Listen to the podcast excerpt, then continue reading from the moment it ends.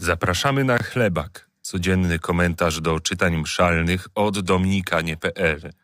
Dzisiaj usłyszysz Pawła Dąbrowskiego z Poznania i Marcina Ruteckiego z Korbielowa. Z listu świętego Pawła Apostoła do Filipian. Bracia, Chrystus Jezus, istniejąc w postaci Bożej, nie skorzystał ze sposobności, aby na równi być z Bogiem, lecz ogołocił samego siebie, przyjąwszy postać sługi, stając się podobnym do ludzi. A w zewnętrznej postaci, uznany za człowieka, uniżył samego siebie, stając się posłusznym aż do śmierci, i to śmierci krzyżowej. Dlatego też Bóg go nad wszystko wywyższył i darował mu imię ponad wszelkie imię, aby na imię Jezusa zgięło się każde kolano istot niebieskich i ziemskich i podziemnych, i aby wszelki język wyznał, że Jezus Chrystus jest Panem, ku chwale Boga Ojca. Krzyż został nam dany jako najgłębsza odpowiedź Boga z wysokości nieba na to wołanie człowieka z otchłani grzechu. W ten sposób krzyż połączył najwyższe z najniższym. I dlatego żaden inny znak nie zostanie nam dany. Ten jest jedyny i najważniejszy. Bo w nim zapisana jest miłość Boga i nasze w niej zbawienie. Chrystus całkowicie ogołocił siebie już wtedy, gdy przyjął ludzkie ciało. Ukrył całą swoją boską chwałę, gdy stał się człowiekiem. A potem przyjął postać cierpiącego sługi, który uczył się posłuszeństwa przez cierpienie, aż do straszliwej śmierci na krzyżu. To, co było sięgnięciem dna, ostatecznie staje się triumfem i wywyższeniem. Chrystus na krzyżu naprawdę i prawdziwie zwycięża. Bo taka jest logika Boga. Kto się wywyższa, będzie poniżony, a kto się uniża, będzie wywyższony.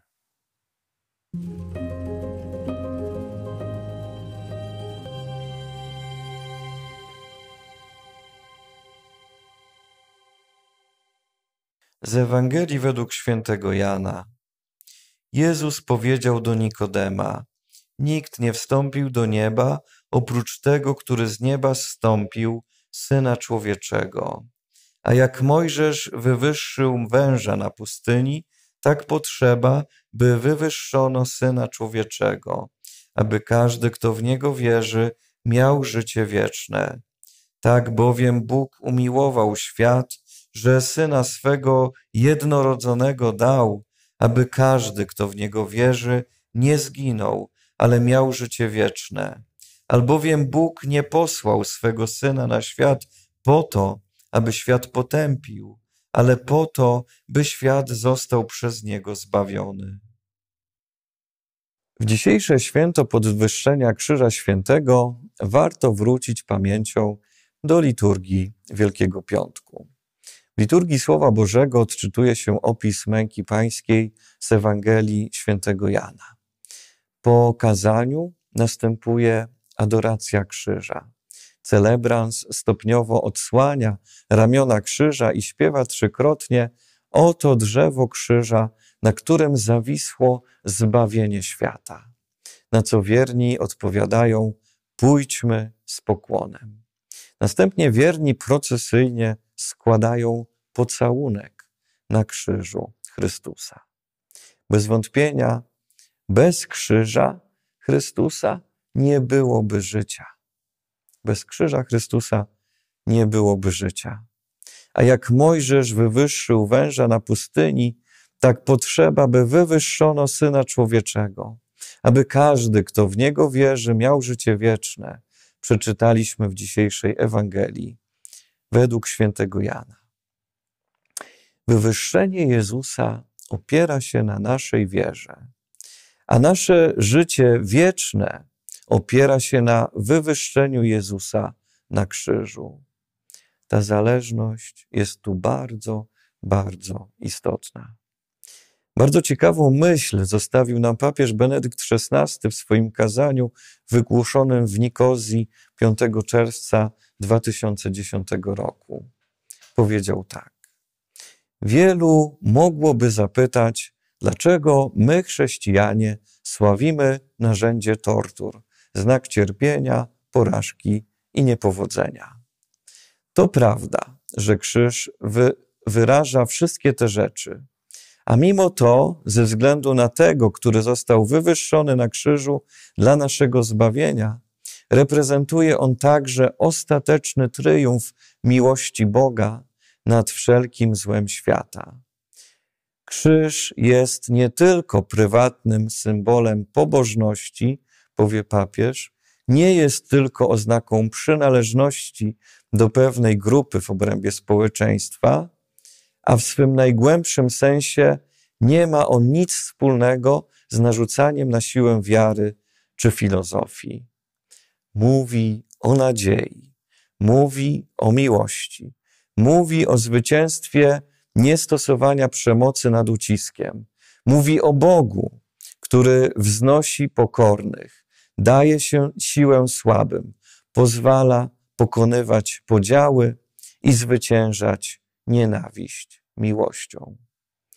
Papież powie, że świat bez krzyża byłby światem bez nadziei, światem, w którym trwałaby nadal nieposkromione tortury i brutalność.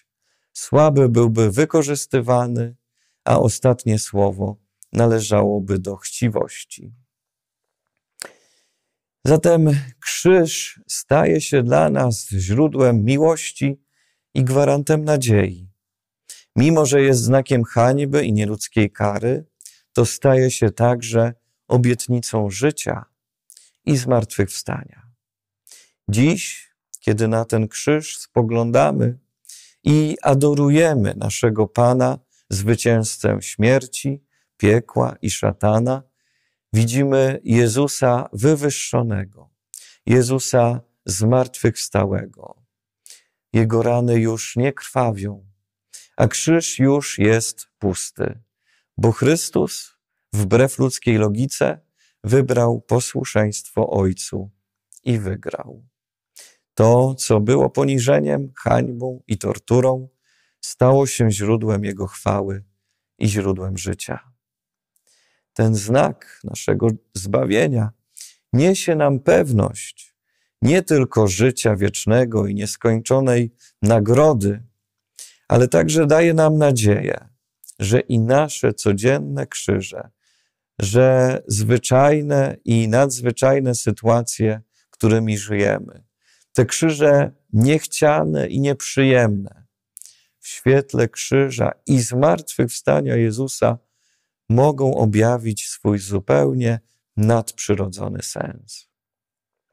Oto drzewo krzyża, na którym zawisło zbawienie świata pójdźmy z pokłonem.